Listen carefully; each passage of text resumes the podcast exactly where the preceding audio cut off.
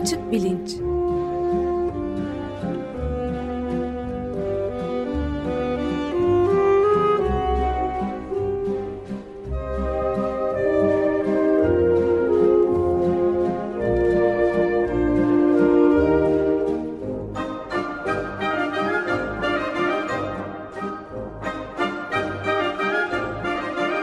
Güven Güzeldere ile bilim ve felsefe sohbetleri. Günaydın Güven Bey, merhabalar. Günaydın Ömer Bey. Günaydın. Günaydın Özdeş. Evet, bugün bir konuğumuz var. Oldukça e, tanıdık gelecek dinleyicilerimize ama siz gene e, tanı, e, tanıtımını üstlenir misiniz lütfen? Tabii, Profesör Selim Badır. Hoş geldiniz Selim Bey. Merhaba, hoş bulduk. Merhabalar. Merhabalar. Merhabalar. Merhabalar. Bu Covid salgını e, ciddileşiyor gibi gözüktüğü zaman Mart ayında açık bilinçte iki tane e, koronavirüs üstüne program yapmıştık. İkisinde de e, Profesör Selim Badur konuk olmuştu ve e, o zaman bildiğimiz kadarıyla bizleri bilgilendirmişti. Tabii o günden sonra çok zaman değişti. E, salgın ciddi bir hal aldı. E, Selim Badur'u da her sabah Açık Gazete'de dinliyoruz. Son gelişmeleri sağ olsun bize aktarıyor. Çok faydalı bir iş yapıyor. Ben de hiç e, kaçırmadan dinliyorum. E, bugünse kendisiyle aşılar konusunda konuşacağız. Çünkü aslında salgından önce aşılar üzerine bir program yapalım diye haberleşmiştik. E, son iki programımızda Doktor Işıl Arıcan önce aşıların tarihçesini sonra aşı karşıtlığını anlattı. Aşılar serisinin bu üçüncü programı. Ee, Selim Badur'un da çok aşina olduğu bir konu aslında aşılar. Çünkü hali hazırda e, Orta Doğu ve Afrika gibi coğrafyalarda aşı karşıtlığına karşı e, bir takım kampanyalar e, düzenlemekle e, düzenlemek üzerine çalışıyor. E, bütün bunlardan bahsetmek istiyorum. Fakat bir de bu e, programda referans olarak alacağım bir e, makale var. Ona da değineyim. E, Vaccine Confidence, The Keys to Restoring Trust başlığı. Yani e, aşılara e, duyulan güven e, ya da aşı güvenliği e, güveni yeniden e, tesis etmenin anahtarları. Human Vaccines and Immunotherapeutics diye bir dergide çıkmış e, bu sene yeni bir yazı. E, makalenin başyazarı Profesör Selim Badur e, hep başkalarının e, çalışmalarından bahsediyor alçak gönüllü bir şekilde fakat kendisi de e, bu konularda dünya literatürüne katkıda bulunan birisi. E, ben bu yazının e, bağlantısını Twitter duyurusundan koydum. Yazıyı okumak isteyenler İngilizce olarak oradan e, ulaşabilirler. E, Peki Selim Bey şuradan başlayalım. Ee, biz geçen hafta aşı karşıtlığının nedenlerini biraz e, konuşmaya, anlamaya çalıştık. Sizin e, de değişik coğrafyalarda aşı karşıtlarıyla sık sık karşı karşıya geldiğinizi tahmin ediyorum. Oradan, oradaki gözlemlerinizden de belki e, gördüğünüz bir takım e, kültürel kültürler arası bir takım farklılıklar olabilir, bir takım ortak noktalar da olabilir. E, oradan aktarmak isteyeceğiniz ilginç herhangi bir gözlem veya anekdot varsa onunla başlayabiliriz.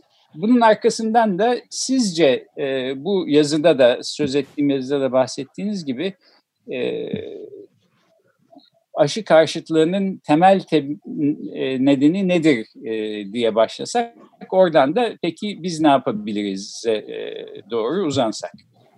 Peki e, teşekkür ederim e, bu giriş ve tanıtımınız için sağ olun.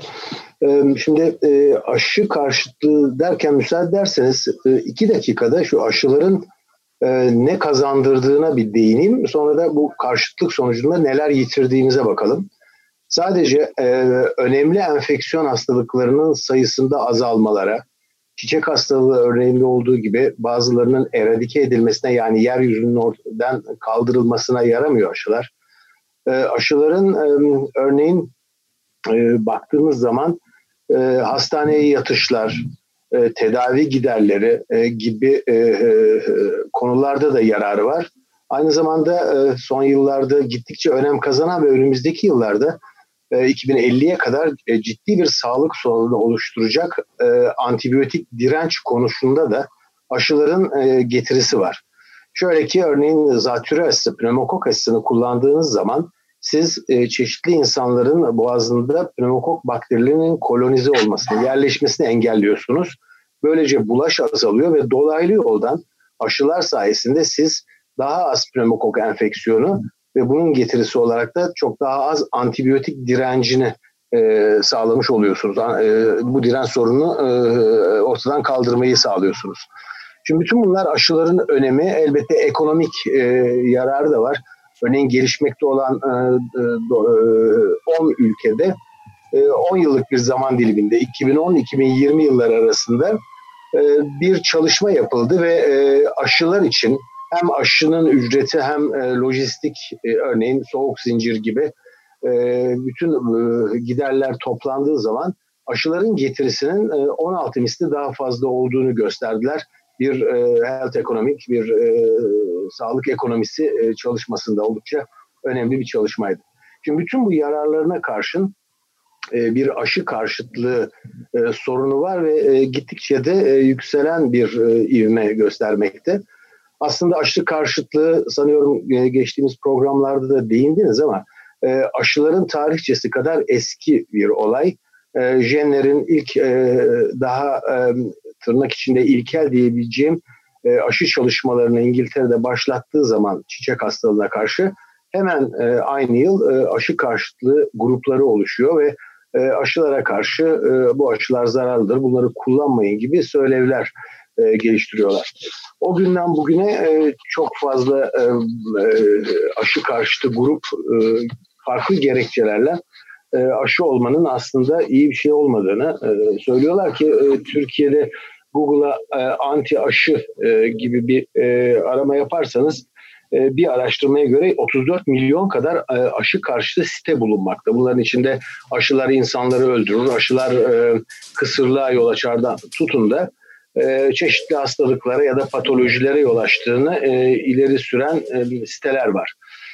Şimdi aslında e, olaya baktığınız zaman aşıların e, dillendirilen çeşitli e, patolojilere yani bunların içinde otizm gibi, e, multiple gibi hastalıklara yol açtığına dair e, bir takım e, söylevler, bir takım e, görüşler ileri sürülüyor. Aslında e, bunlar genellikle etiyolojisi yani nedeni bilinmeyen hastalıkları o hastalığa yakalananların bir süre önce yaptırdıkları aşı sonucu e, ortaya çıktığını ileri sürmekteler ki bu e, doğru değil. Çünkü e, yaklaşım çok düz bir mantıkla ben hastalandım.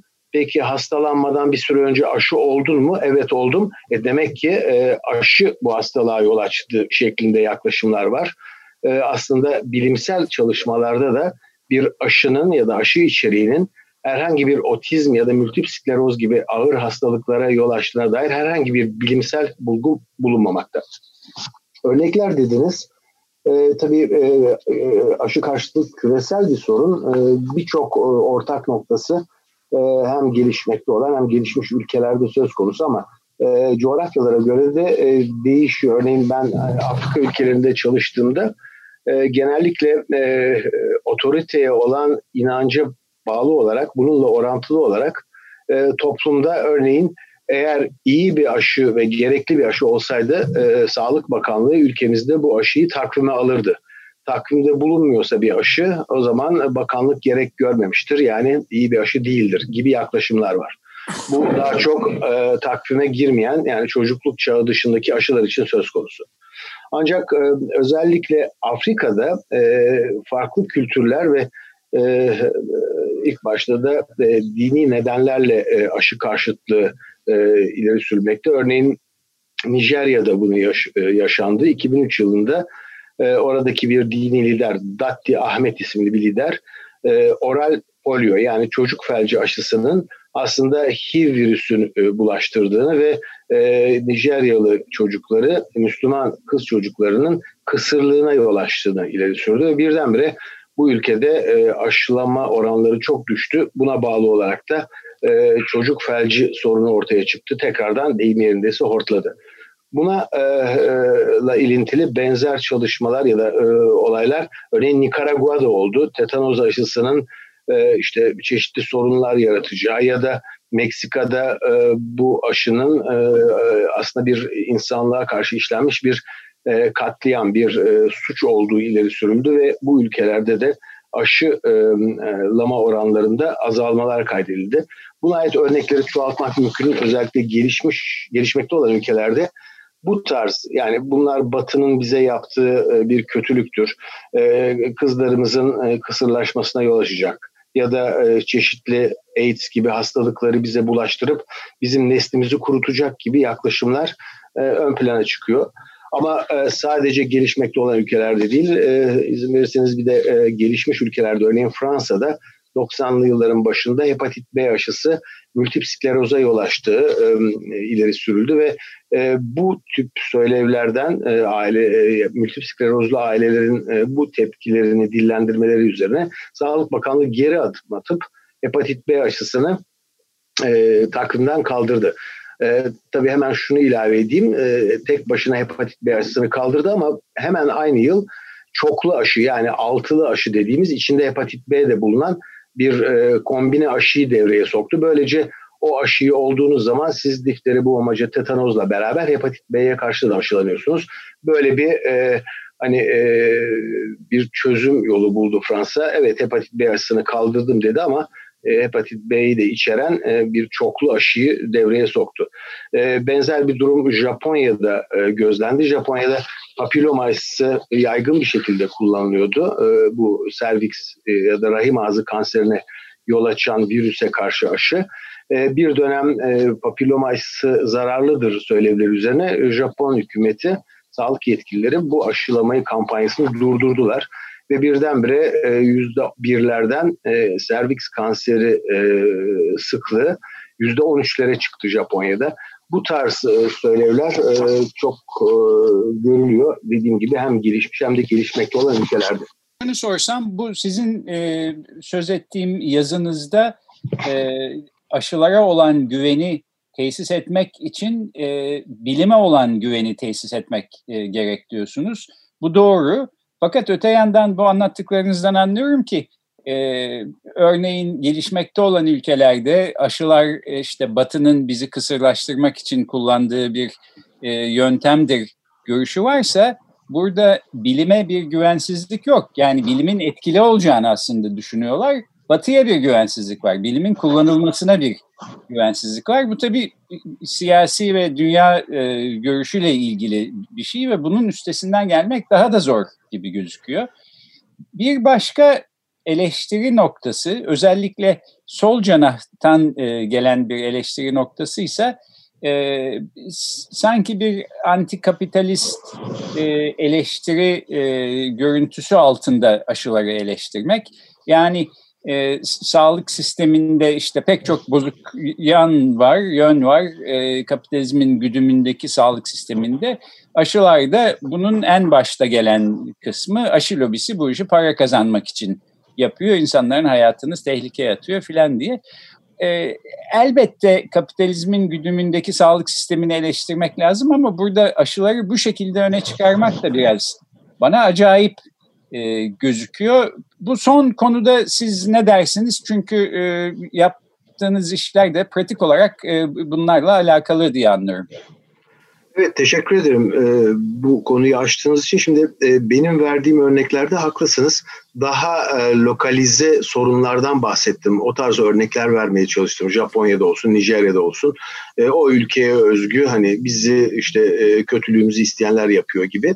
Ama e, bilim karşıtlığına baktığınız zaman ya da gerekçenin bilim karşıtlığına indirgenmesine e, baktığınız zaman bu aslında e, özellikle 20. yüzyılla beraber, 20. yüzyılın sonuyla beraber e, aşı karşıtlığının e, e, bilim karşıtlığıyla beraber gitmesi, bilimsel verilere inanmamak, e, bizi yıllarca sömüren, bize işte e, otoriter bir şekilde bazı şeyleri empoze eden hekimler ya da sağlık e, otoritesinin e, biz karşısındayız. Ben e, aşı ya da e, ilaç kullanmak yerine işte alternatif tıbbı kullanırım, homeopati kullanırım gibi yaklaşımlar E, bunu düşündüğüm zaman o zaman bu bilim karşıtıyla paralel gitmekte. Çünkü e, bakıyorsunuz bilimsel verilere e, bunlar aşıların yararını çok net olarak ortaya koymakta. E, ne kadar çok hastalığın ortadan e, kalkmak üzere olduğunu, bunun içinde çocuk felci olsun, kızamık olsun, hepatit B olsun e, bu örnekleri vermek mümkün. E, ve e, ölümlerin, çocuk ölümlerinin özellikle çocukluk çağı ölüm statistiklerine bakıldığında bu aşıları rutin olarak ve sistematik bir şekilde, düzgün bir şekilde uygulayan gelişmiş ülkelerde bu tip hastalıklardan ölümlerin e, azaldığı e, hatta ortadan kalktığı görülmekte. Tabii e, aşı karşıtları e, bütün bu azalmalar, bu ölümlerin ortadan kalkması ya da çok azalması, çok aza indirgenmesi sadece aşılara bağlanamaz. E, işte beslenmeden e, altyapı sorunlarına kadar, temiz içme suyu kullanımına kadar bu e, çeşitli e, gelişmelere bağlıdır diyorlar. Haklılar elbette.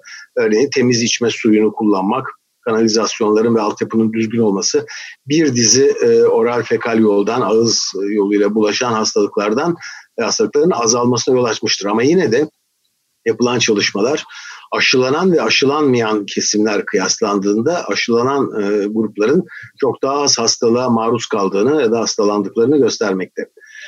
Ee, şimdi bu kapitalist dünya ve ilaç ya da aşı şirketleriyle ilintiye baktığımızda e, bir kere e, bu e, yatsınmaz bir gerçek yani bu kuruluşların özel kuruluşlar olduğu, bunların hissedarları olduğu, kar amacı güttükleri ve tek amaçlarının kar olduğu bunu yatsımak, bunu reddetmek ya da bunu göz ardı etmek mümkün değil.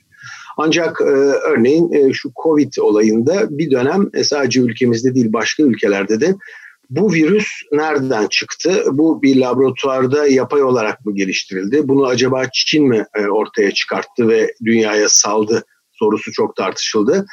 Şimdi benim anlamadığım bir durum eğer öyle diyelim ki öyle oldu. Gerçekten yapay olarak bir takım insanlar e, hani dünyaya kötülük yapmak için bu virüsü yaydılar, nüfusu azaltmak için yaydılar diyelim. E o zaman korunmayacak mıyız bu hastalıktan?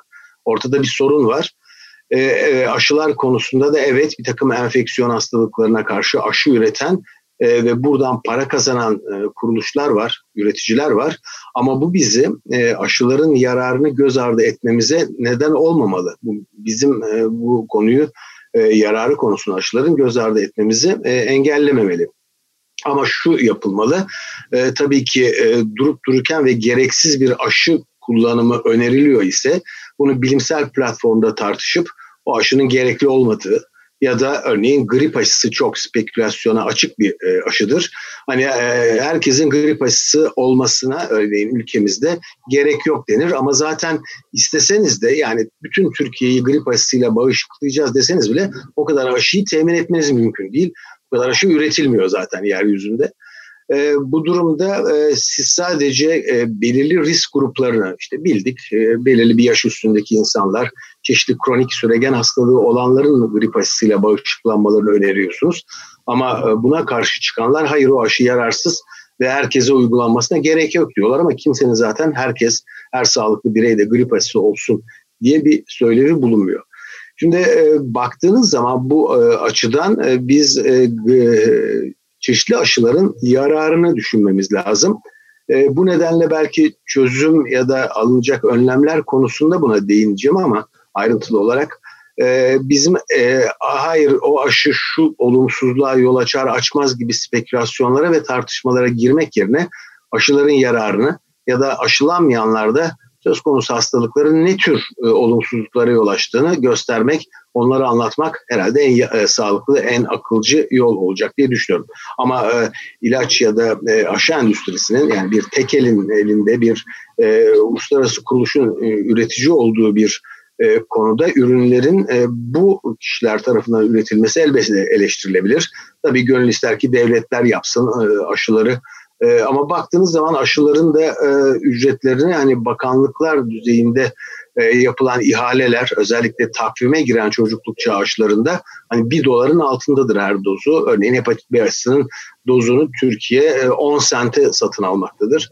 E, yapılan ihalelerle bunların e, hani çok büyük paralar harcamadan da toplumu bağışıklamak mümkün. Gönül isterdi ki e, ülkeler kendi aşılarını üretsinler örneğin Türkiye'de. Ama ne yazık ki öyle bir bilgiye eriştim. Onu bir slide haline getireceğim. Bizde e, yıllar önce tabii ki şu anda belki eskimiş diye düşünülecek bir takım teknolojileri kullanarak 20 küsur aşı üretilmekteydi. Yavaş yavaş bunlar hazırlandı. Şu anda Türkiye hiçbir aşı üretmiyor. Ama e, ilginçtir bu aşıların e, üretiminin durdurulması hep askeri darbelerden sonra olmuş. Yani e, darbe olduktan iki ay sonra üç aşıyı kaldırmışlar takvimden. İkincisi olduğu zaman bir beş aşıyı kaldırmışlar, üretimini durdurmuşlar. Bu da ilginç bir nokta diye eklemek istedim.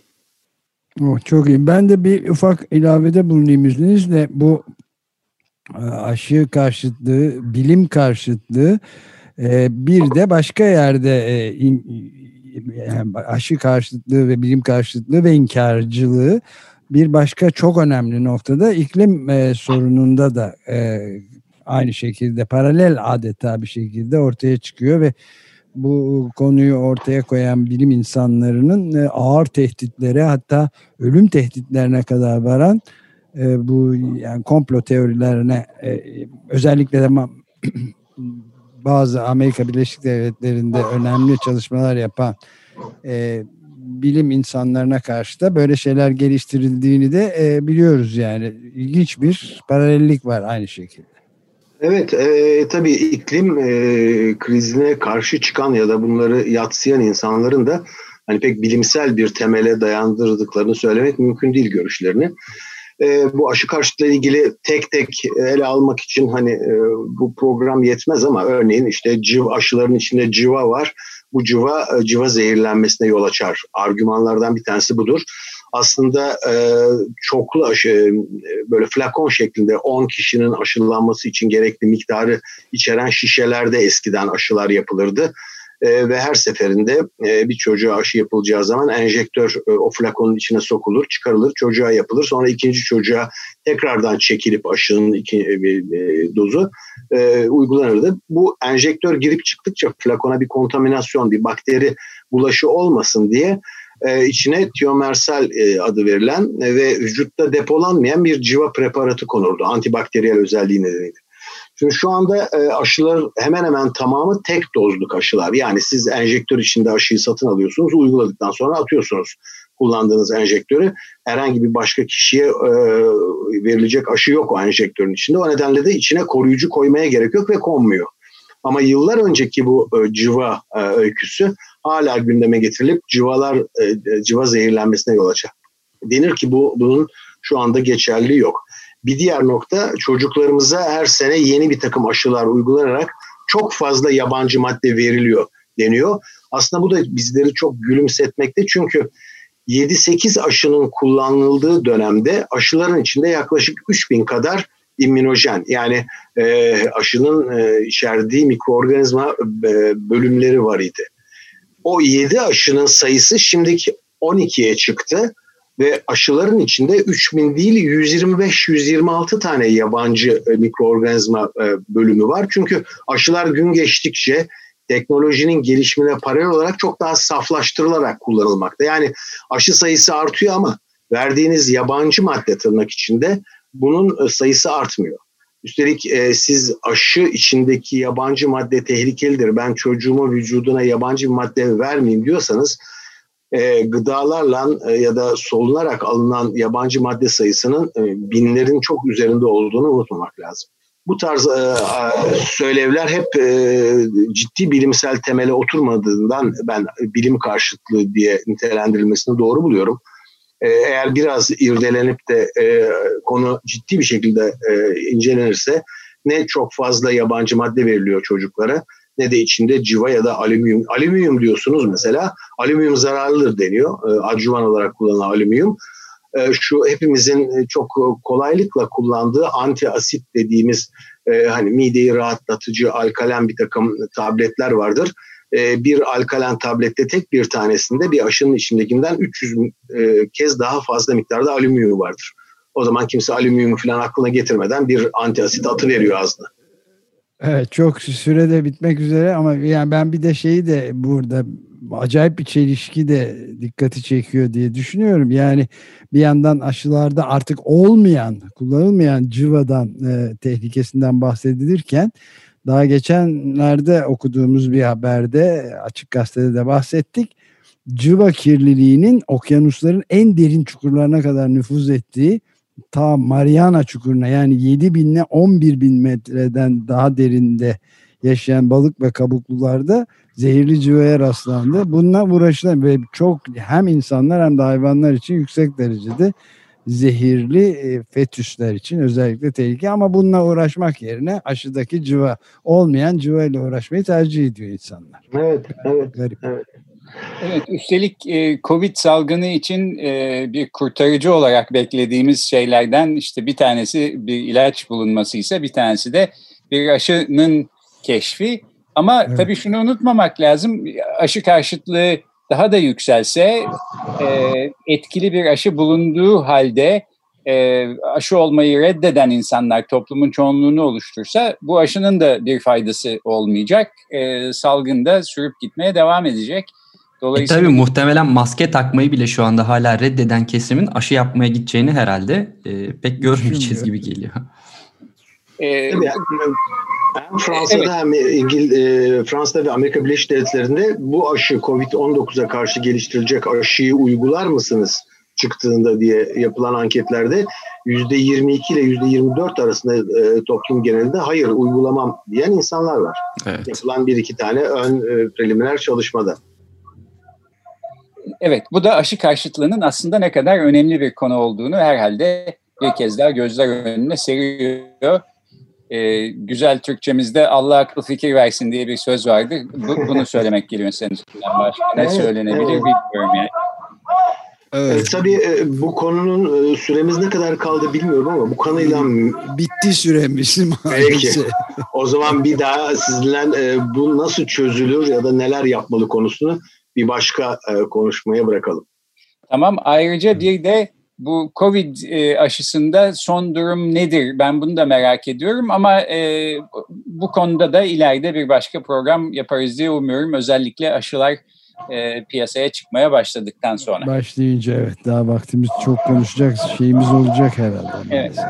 Bugün Profesör Selim Badur konuğumuzdu. Aşı karşıtlığını konuştuk. Aşı serisine böylece devam etmiş olduk. E, çok teşekkür ediyoruz Selim Bey. Ben teşekkür ederim efendim. Sağ olun. Çok teşekkürler. Görüşmek üzere. Sağ olun. Teşekkürler. Görüşmek üzere. Sağ olun. Teşekkürler.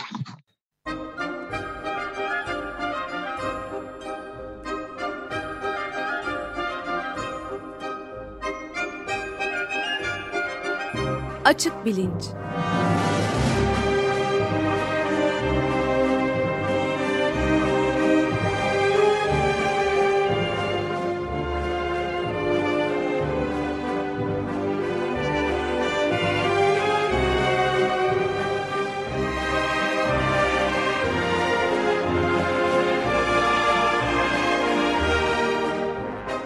Güven Güzeldere ile bilim ve felsefe sohbetleri.